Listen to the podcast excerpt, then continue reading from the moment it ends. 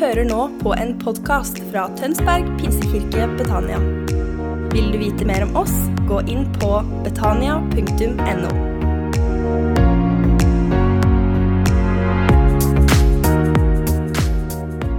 Så det er um, veldig veldig fint å kunne få lov til å være her og gi liksom litt sånn min siste bidrag før jeg skal gjøre masse andre fine ting i en del måneder framover.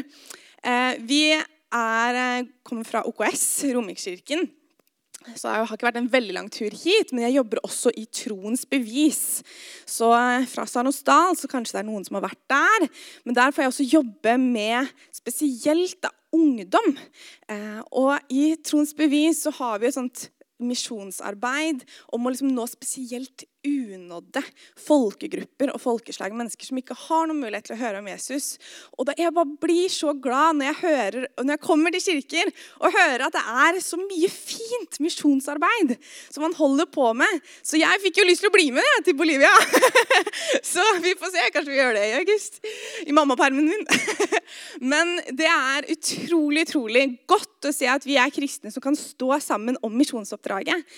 Men det ser du at det er mange unge som ikke helt har fått blitt liksom kobla på det her. Og det har vært litt av jobben min. ikke sant? Og Hvordan kan vi engasjere en ung generasjon for eh, ikke bare det å, å hjelpe, men liksom, hvordan kan vi gi Jesus videre? Hvordan kan vi spre de gode nyhetene om Jesus til både våre nabolag, men også til mennesker som ikke har mulighet til å høre? Og Det har vært en veldig spesiell og fin jobb, og jeg har gjort meg en del erfaringer også. For jeg reiser da eh, veldig mye rundt i Norge og er egentlig ganske heldig å få møte mange forskjellige typer både ungdomsarbeid og ungdommer. Og en ting som jeg opplever også er en litt sånn eh, Hva skal jeg si? Som jeg opplever en sånn fellesnevner veldig mange av de stedene som jeg reiser, er jo at det er mange unge som syns det er vanskelig å leve med troa og være en kristen i sitt hverdagsliv. De er født og oppvokst i kristne familier, går i kirka, kan bibelen sin, men, men syns det er vanskelig å finne den derre Når du går ut, ut døra, døra, og mandag begynner, hvordan skal jeg da egentlig ta med meg det jeg har hørt, det jeg har gjort? Og jeg syns det er interessant også å høre også mine venner som ikke er kristne. Jeg har en sånn fantastisk venninnegjeng fra videregående og ungdomsskolen Eh, og, høre også deres tanker. Hvordan er det de ser på kirka og de kristne i dag i Norge? Hvordan er det familie som, som ikke har vært innafor et kirkebygg, som kanskje bare får med seg litt fra medier, har sine tanker, møter på kanskje en kristen på jobb her og der Hva, hva slags inntrykk er det de bærer med seg av kirka i Norge i dag? Og så er det sånn at laget, skolelaget har gjort en sånn eh, stor studentundersøkelse nå. Og Da har det kommet fram litt tall blant eh, studenter. og Det er gjerne liksom en unge da, eh, i, starten av 20-åra som har svart på dette. er Kristne studenter. Som har svart på spørsmål om troa si. Og så har det kommet opp noen sånne interessante ting. fordi De gjorde den samme undersøkelsen for fire-fem år. Fire, år siden og så gjorde den igjen nå. Og så har vi sett noen forandringer. Så er det et par ting jeg har lyst til å trekke fram. Og Det første er at kristne unge de, Det med å eh, Grunnen til at de ikke deler troa si videre, er at de er redd for å assosieres med ekstreme holdninger. Den andelen har økt med 11% på fire-fem år. Det er ganske høye tall. Ganske fort en rask økning på at en grunn til at man holder igjen og syns det er vanskelig å snakke om Jesus, dele om Guds kjærlighet, er fordi man er, man er redd for hva man skal assosieres med av da spesielt ekstreme holdninger. Det andre er, et annet interessant tall er at 73% av disse kristne studentene 73 det er ganske høyt tall opplever at kirka oppfordrer til å dele troa si med mennesker som ikke tror. Men kun 32% føler seg utrusta til det av kirka. Så 72% 73 opplever at kirka liksom Ja, det er viktig. Det er bra.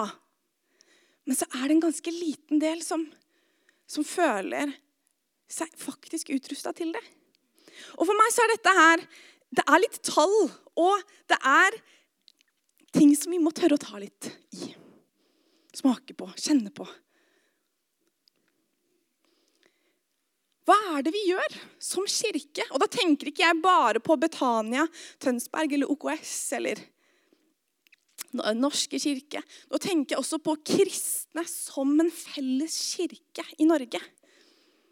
Hva er det vi kan gjøre for at vi føler oss utrusta til å ta med oss troa videre i livet vårt? Fordi hvis ikke vi føler at vi klarer det, hva er det vi egentlig da holder på med? Da holder vi jo på med en kirkeklubb. Og kjempeviktig og kjempefint med det som skjer innad i kirka. Men hvis vi ikke evner å føle oss trygge på å dele de gode nyhetene med ord og med liv, så må vi begynne å tenke litt sammen. Hvordan kan vi være med å forandre dette her? Og forandre disse tallene. Vi har jo alle blitt involvert i et oppdrag. Og det er ikke bare pastoren og lederen som har blitt det, det kan vi lese om i 2. Korinterbrev. Da kan vi få opp et bibelvers. 2. Korinterbrev, kapittel 5, vers 19-20. Der står det For det var Gud som i Kristus forsonte eller gjenoppretta verden med seg selv, slik at han ikke tilregner dem deres misgjerninger. Og han betrodde budskapet om denne forsoningen til oss. Så er vi da utsendinger for Kristus. Gud, han betrodde oss med noen gode nyheter, med et budskap om at han, nå er det gjenoppretta.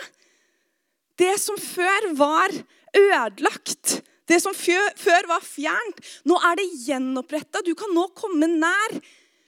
Her, det, nå betror jeg deg det budskapet. Og så er vi nå sendt ut på vegne av Jesus og Gud.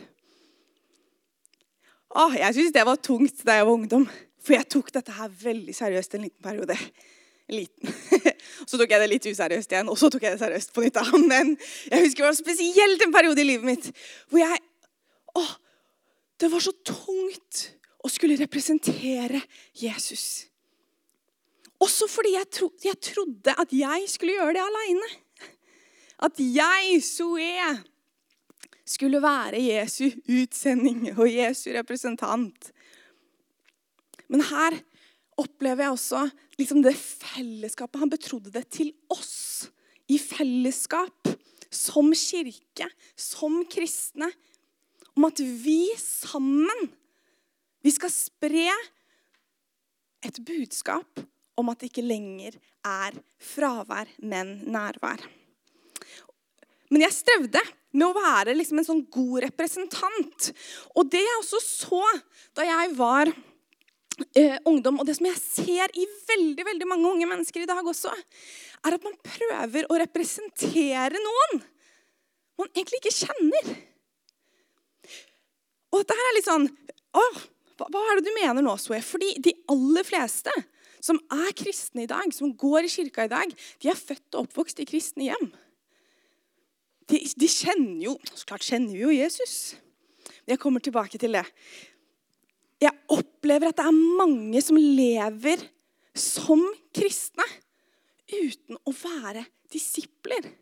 Uten å kjenne til hva Jesus vil, hvem Jesus er, og følger han tett og lever med han tett. De har han, de er, han er der. Yes, jeg er kristen, jeg går i kirka, jeg kjenner til disse tingene. Men det er vanskelig å skulle representere noen du ikke lever tett med, og noen som du ikke følger etter. Og jeg tror det er mange sannheten er at jeg tror det er mange som er kristne pga. tradisjon, og fordi foreldrene er det. Og fordi man, det er det som føles fint og føles sant og føles bra. Men kanskje ikke så veldig mye lenger enn det.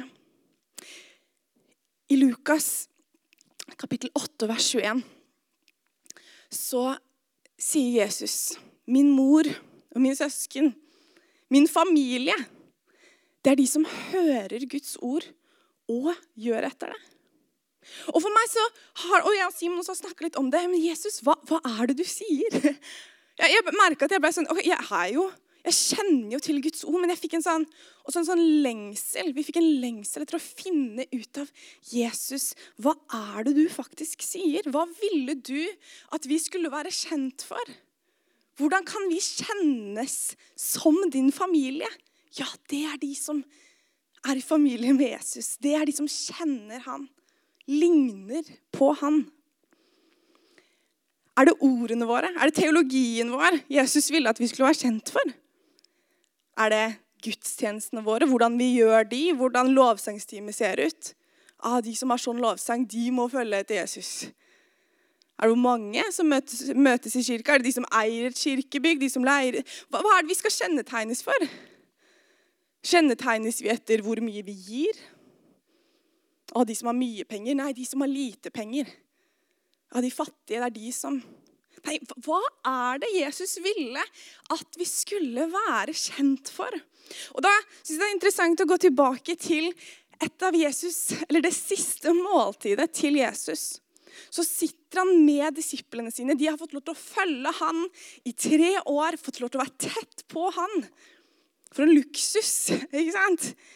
Dette her var også en bråkete gjeng. det var vanskelig, men, det de hadde til felles, var at Jesus var der.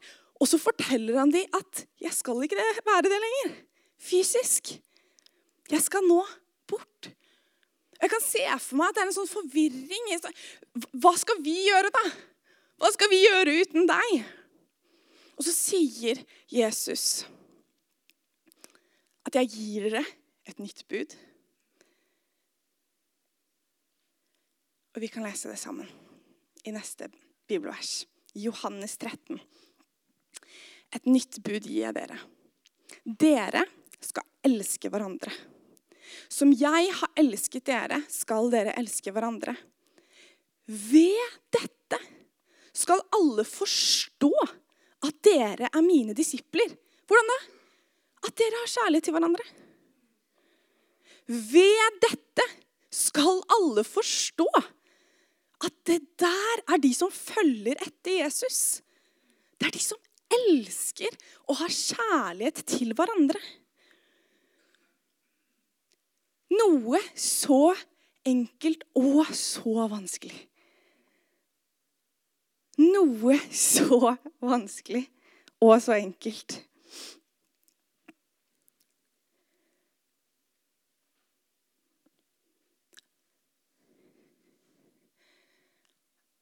Er det det vi er kjent for i Norge, da? Jeg tror noen er det. Jeg tror mange er det. Jeg tror det er mange fantastiske kristne kirker og arbeid og mennesker hvor folk kjenner igjen at det, det er noe ved deg. Men jeg kunne virkelig ønske, og nå snakker jeg mer som kirka som, som jeg også sa i stad, ikke bare enkeltkirker, men kirka som oss kristne som en også bevegelse som Jesu kropp.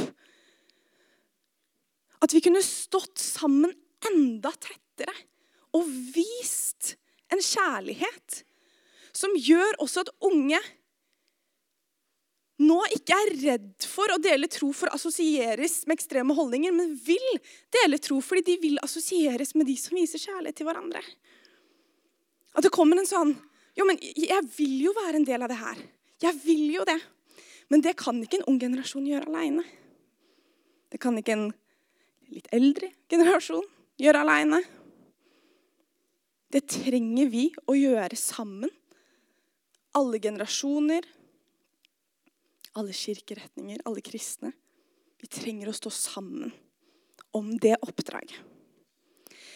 Jeg pleier å bruke et bilde i forhold til arrangert ekteskap, som ikke må forveksles med tvangsekteskap, men arrangert ekteskap, det er jo egentlig dette her med at eh, i mange kulturer så er det ikke vanlig og nødvendigvis man kan velge eh, ektefelle selv, men man får kanskje anbefalt en ektefelle fordi foreldrene kjenner til den slekta eller den familien. Og i veldig mange av disse kulturene så er det sånn at det, um, man gifter seg. Og det er ikke nødvendigvis at man kjenner en sånn enorm forelskelse til hverandre. Med en gang man har kanskje respekt for hverandre. Kanskje man er liksom Du liker den du havna med. Men når man begynner å leve sammen, så er det flere som også sier at den forelskelsen begynner å komme etter hvert. Og det er jo litt sånn motsatt. Jeg pleier å si det noen ganger når jeg deler dette på, i ungdomsarbeid, at vi anbefaler å forelske seg først. liksom. Jeg syns det var veldig fint å være forelska da jeg gifta meg. Men jeg opplever noen ganger dette her må være i et arrangert ekteskap med Jesus. Fordi jeg kjente ikke Jesus veldig veldig godt da jeg var liten, men mamma hun kjente Jesus, og hun kjente hans familie veldig godt. Og hun anbefalte han sterkt til meg. Min mamma og mine besteforeldre snakka varmt om han og hans familie. Og da jeg eh, var i starten av tenårene, så tok jeg et aktivt valg. Og tenkte ok, greit, basert på de anbefalingene. Og jeg også liksom ja, syns dette her virker som en grei kar. Så tenker jeg at jeg kan komme liksom fram til alteret si Jesus, ja, takk, jeg liksom tar deg til min ektefelle. For i Bibelen også så beskriver det jo den relasjonen vi har med Jesus. Det å bli frelst som et ekteskap. ikke sant? Vi er en pakt med Gud. Så jeg står der og sier liksom løftene. Husker det, Simon? Det var veldig fint. Men, men det hadde ikke vært så veldig hyggelig for Simon hvis jeg skulle ha sagt han Yes, ja, I, I do. Jeg sa det på norsk, da. Ja. Og så snudde jeg ryggen til tenkte OK, snakkes. Og så bare fortsatte jeg å leve livet mitt helt vanlig. Helt aleine. Jeg er fortsatt gift. Vi er fortsatt i en, i en rela, formell relasjon. På papiret. Jeg har ringen, vi har papirene, alt i orden. Du er fortsatt frelst. Men jeg tror mange lever sånn her med Jesus med at ja, du har den formelle relasjonen. Og du stikker innom i kirka, i familieselskapene, nikker. Men den intime nærheten, hvor man faktisk blir kjent Nå har vi snart vært dit i fem år. Og jeg merker jo bare på den korte tida hvor mye som har skjedd med vår relasjon. Og jeg kan jo bare se for meg, jeg håper det er noen her som kan si amen på det, at det, liksom, det blir jo bedre og bedre òg. Med at man blir også liksom mer og mer like. Det er veldig morsomt å bare se på sånn Så besteforeldrene mine for meg da jeg var liten, de var bare én person, nærmest. Det var liksom bare besteforeldrene mine. Fordi de, de, gjorde så mye av det samme, og de hadde liksom den samme um, hva skal jeg si, energien og nærværet. Fordi de hadde levd sammen så lenge. Så det er jo ikke sånn at bare fordi du har fått en ring på fingeren og er frelst og har den formelle relasjonen med Jesus, så trenger vi fortsatt å bruke tid og komme nær og vandre og la oss forvandle av hans nærvær. Og det er det. Der tror jeg det er veldig mange som har glippet i. At det har blitt tradisjon, det har blitt en oppskrift, det har blitt disse formelle familieselskapene og, og møtepunktene. Og da er det vanskelig og skulle liksom da plutselig bli tillagt et oppdrag hvor du skal representere han, og hvor du skal snakke om han og dele og liksom Jeg merker at er det én jeg hadde vært trygg på å sende ut på mine vegne Hvis noen skulle ha hørt litt mer om hvem jeg var, så hadde jeg vært veldig trygg på å sende ut mannen min. Fordi vi har brukt tid sammen. Vi spiser frokost sammen, og vi deler liv. Og han hører om hva som foregår i hodet mitt veldig ofte. Der er det veldig mye rart. Og jeg og Karl Einar vi kjenner hverandre ikke sånn veldig godt. Vi har møttes et par ganger. Det er ikke det at du er en dårlig fyr. Jeg vil jo si at liksom, Vi har jo en relasjon nå. Men jeg hadde, vært, jeg hadde vært litt mer nervøs. Skulle jeg sendt deg ut for å representere meg og mine meninger og mitt hjerte? til noen andre. Og jeg tror det er så mange unge mennesker som strever med også og ikke, vet du hva? Jeg tror ikke det bare er unge mennesker. Jeg tror det er mange mennesker som strever med skam og skyldfølelse. Og dårlig samvittighet for at de ikke føler de representerer Jesus godt nok, eller at de ikke gjør nok, eller at de er usikre på hvordan de skal leve og hvordan de skal ta med dette her. Og så har jeg egentlig bare lyst til sånn hjertesukk for meg at jeg syns ikke det er så rart heller. Fordi Jeg tror det er lett å liksom skli litt inn i benkeraden og inn i mengden når vi møtes også sånn på søndager. Og så kan du dra hjem og likevel bære med deg en sånn distanse til Jesus som vi skal egentlig være nære.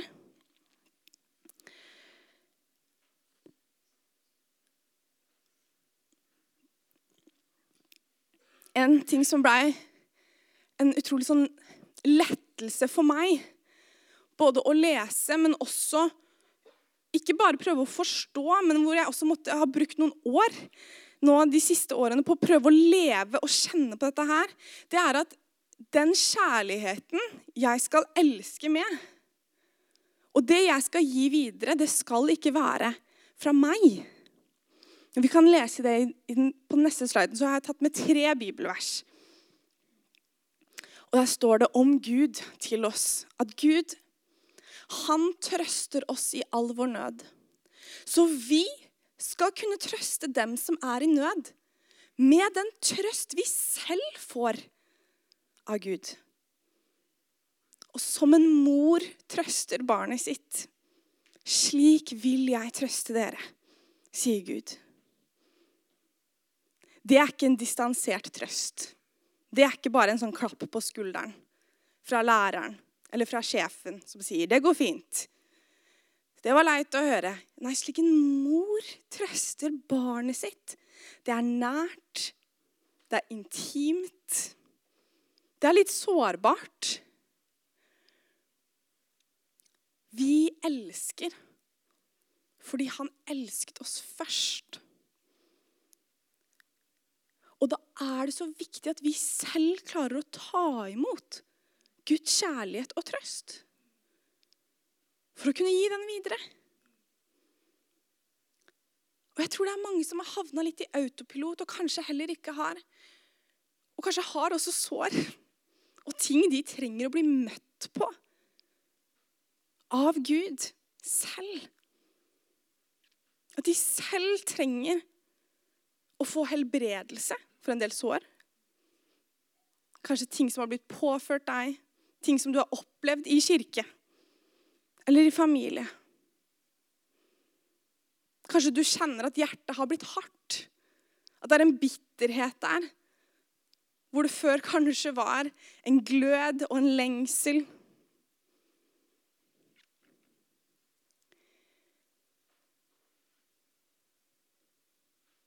Men Gud, han har en trøst til oss. Ikke, det handler ikke om at du ligger og og griner hver kveld. og at Det er liksom, det kan hende det er det òg, men, men, jeg opplever denne trøsten her, det handler om en sånn livsforvandlende trøst. Som alle mennesker trenger. Fordi vi lever i en urettferdig, vond verden. En trøst på vegne av deg selv og en trøst på vegne av alt som skjer også med alle andre så trenger vi å ta imot den trøsten. Vi var ikke ment til å bære dette livet selv. Eller å gjøre dette livet selv. Og jeg tror faktisk vi må tørre å være ydmyke og sårbare i møte med Gud for å kunne klare å være det med andre mennesker. At det er vanskelig å gi en kjærlighet og en trøst ubetinga hvis du har slitt, ta, slitt, med å ta imot det selv. Og etterpå så har jeg lyst til å bare kunne be og velsigne dere. Men be også spesielt for noen hjerter og liv som også trenger denne helbredelsen. Morskjærligheten og farskjærligheten som Gud har for oss alle sammen.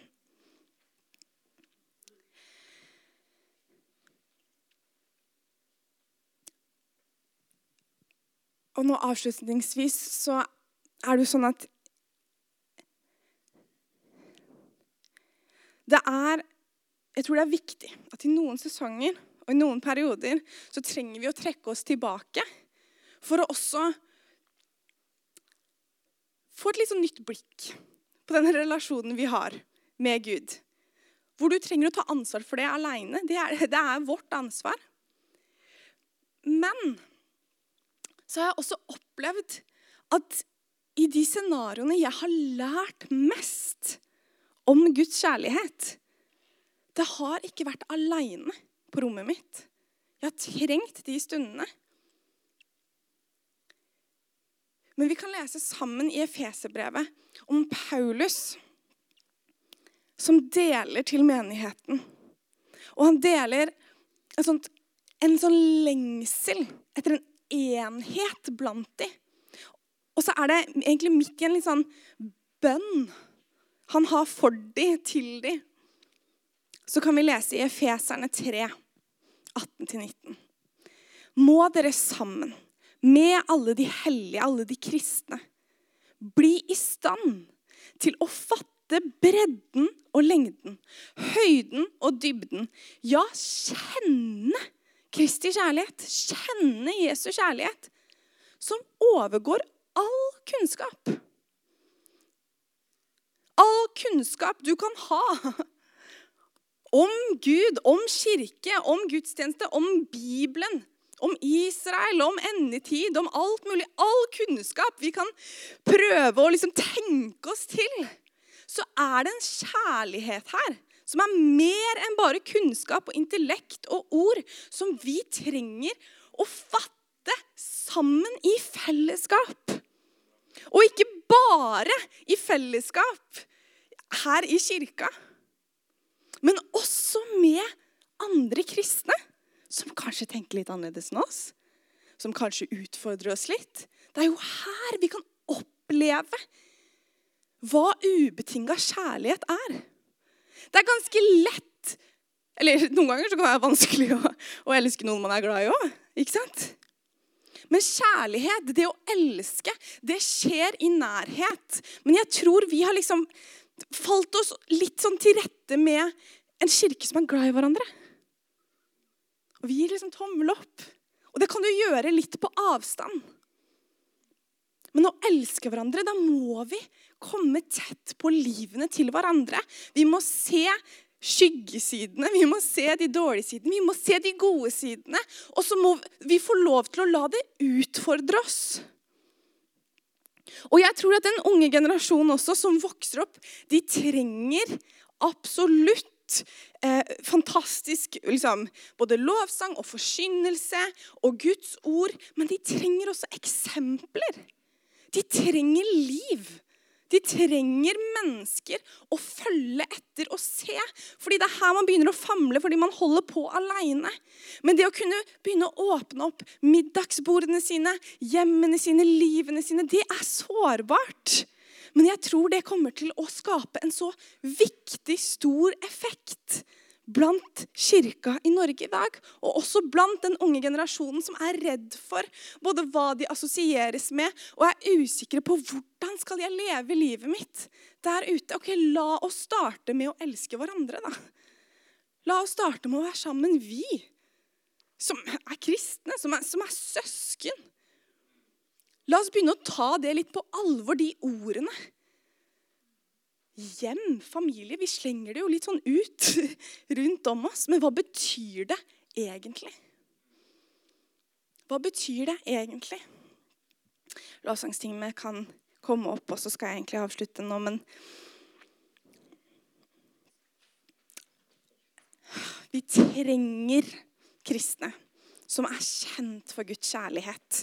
Det er ikke liksom et sånt alternativ ved siden av. Ja, du har de kristne som er gode på å elske hverandre der, og så har du de andre. Dette her er noe Gud også har gitt kraft. Med at vi, som ingen av oss strekker til på dette her Bare så det er klart, Vi er jo alle i samme båt. Det er jo ingen som får dette her til i sitt liv. Det er jo derfor vi har fått en kjærlighet. som vi kan gi videre.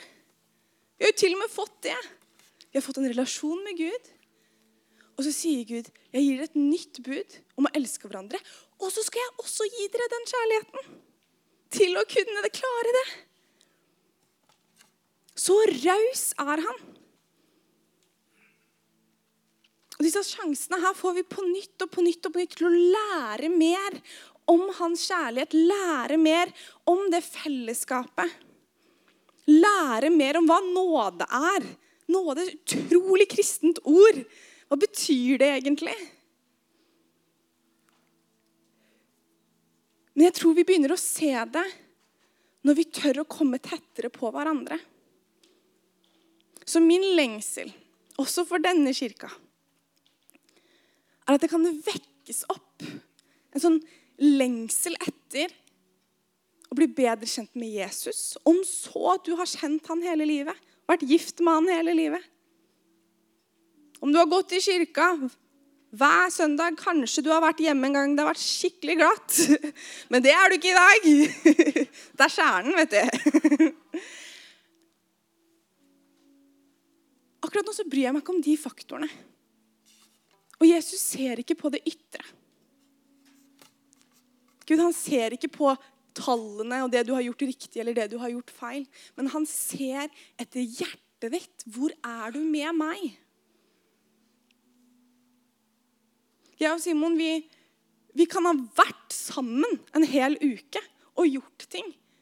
Men hvis vi ikke har fått kvalitetstid, så kan vi sitte der etter en uke er ferdig og fortsatt savne hverandre. Selv om vi har sett hverandre. Vi har vært i, i forskjellige scenarioer sammen og gjort ting sammen. Men, men vi har ikke vært sammen. Og jeg tror Jesus er takknemlig for at du stiller opp, og at du er med på disse kristne fellesskapsmøtene og flere ting. Men, men jeg tror også han savner deg. Og jeg tror det er også mange som egentlig savner Jesus. Selv om vi er i Guds hus akkurat nå.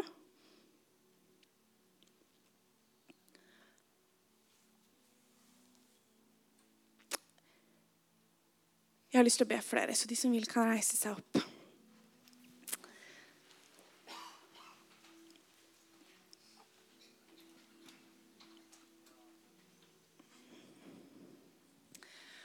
Åh, Jesus, jeg takker deg, Herre, for uh, For den kjærligheten du har vist oss.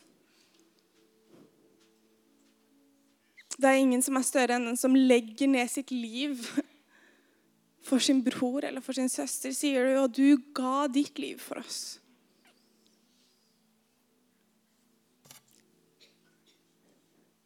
Selv når vi fornekta deg, selv når vi forrådte deg, selv når vi sa vi skulle møte opp, men vi ikke klarte å gjøre det, Jesus.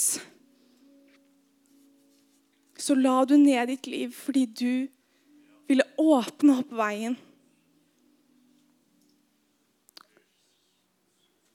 Og gjenopprette en fallen, vond, mørk verden. Gjenopprette det med lyset og kjærligheten fra deg, Gud.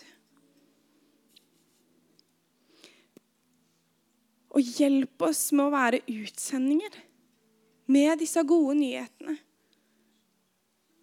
Hjelp oss med å elske hverandre.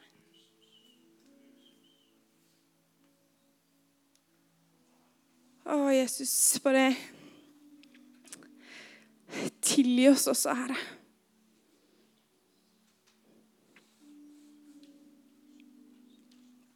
For når vi bommer på målet og det kommer vi fortsatt til å gjøre, og vi trenger din raushet. Vi trenger din raushet, Jesus, og vi trenger din raushet så vi også kan være rause med hverandre. Hjelp oss med å være rause med hverandre innad i kirkene våre. Mellom de forskjellige kirkene, mellom oss kristne. Og jeg synes jeg ber spesielt for noen relasjoner som bærer så preg av eh, hardhet og bitterhet mellom noen kristne som, hvor man tror at det ikke er noe mer håp. Nei, den relasjonen, den, er, den har vi prøvd å fikse altfor mange ganger. Den er vi ferdig med. Men jeg ber akkurat nå om at du skal gi nytt håp til de partene i den relasjonen. At ditt lys er sterkere enn noe bitterhet og hardhet og mørke, Herre.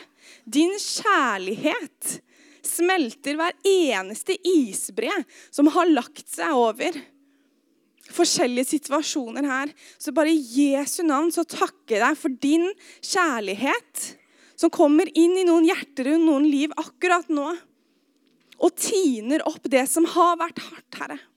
Og så ber jeg deg for de som har harde hjerter mot seg selv og sliter med å ta imot din kjærlighet for seg selv og ikke klarer å elske seg selv. Vi bare ber også om at du bare skal bryte de lenkene og de løgntankene og den isen som har blitt lagt på der eh, også, Jesus. Vi bare bryter det i Jesu navn og takker deg for at du leder oss nærmere deg. Hjelp oss med å se oss selv sånn som du ser oss, Herre. Og hjelp oss med å se hverandre sånn som du ser oss, Jesus. Jeg bare ber om at det skal bare begynne å At det skal skje en sånn en, en bølge også av, av fellesskap og nærhet. En lengsel etter det. Mer av det.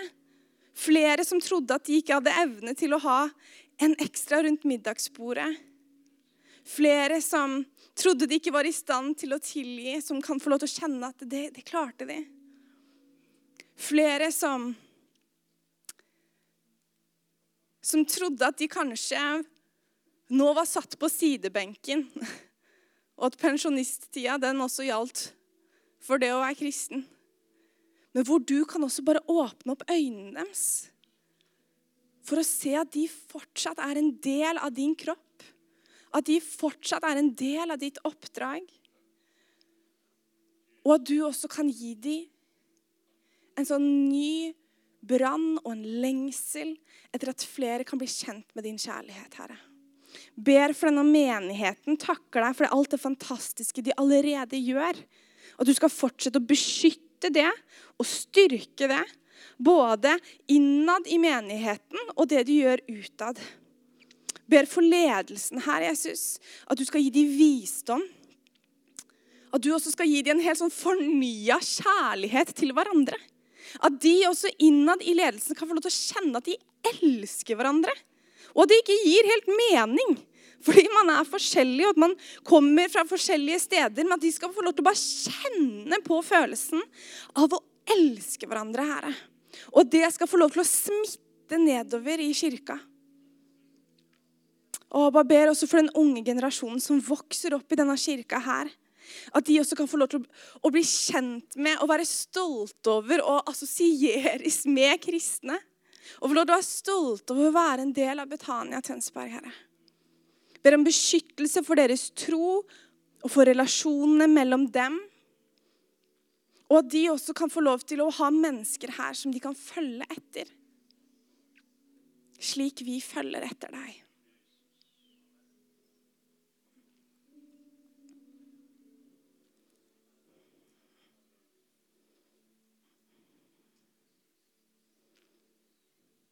At det er spesielt én mann som, som jeg tror eh, har assosiert seg veldig med liksom Nei, jeg, eh, jeg har ikke evnen til å elske. Jeg har ikke evnen til å tilgi. Jeg er eh,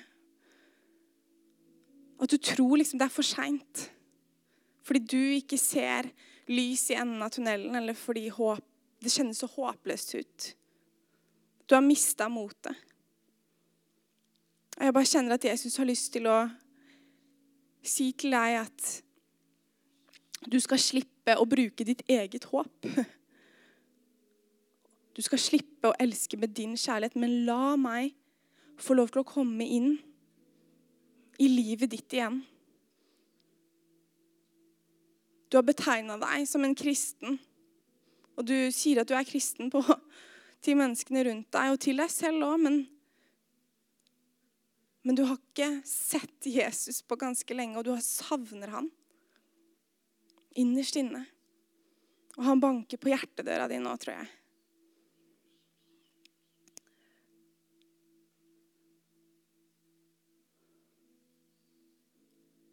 Han har lyst til å komme og komme med et nytt håp og et nytt lys.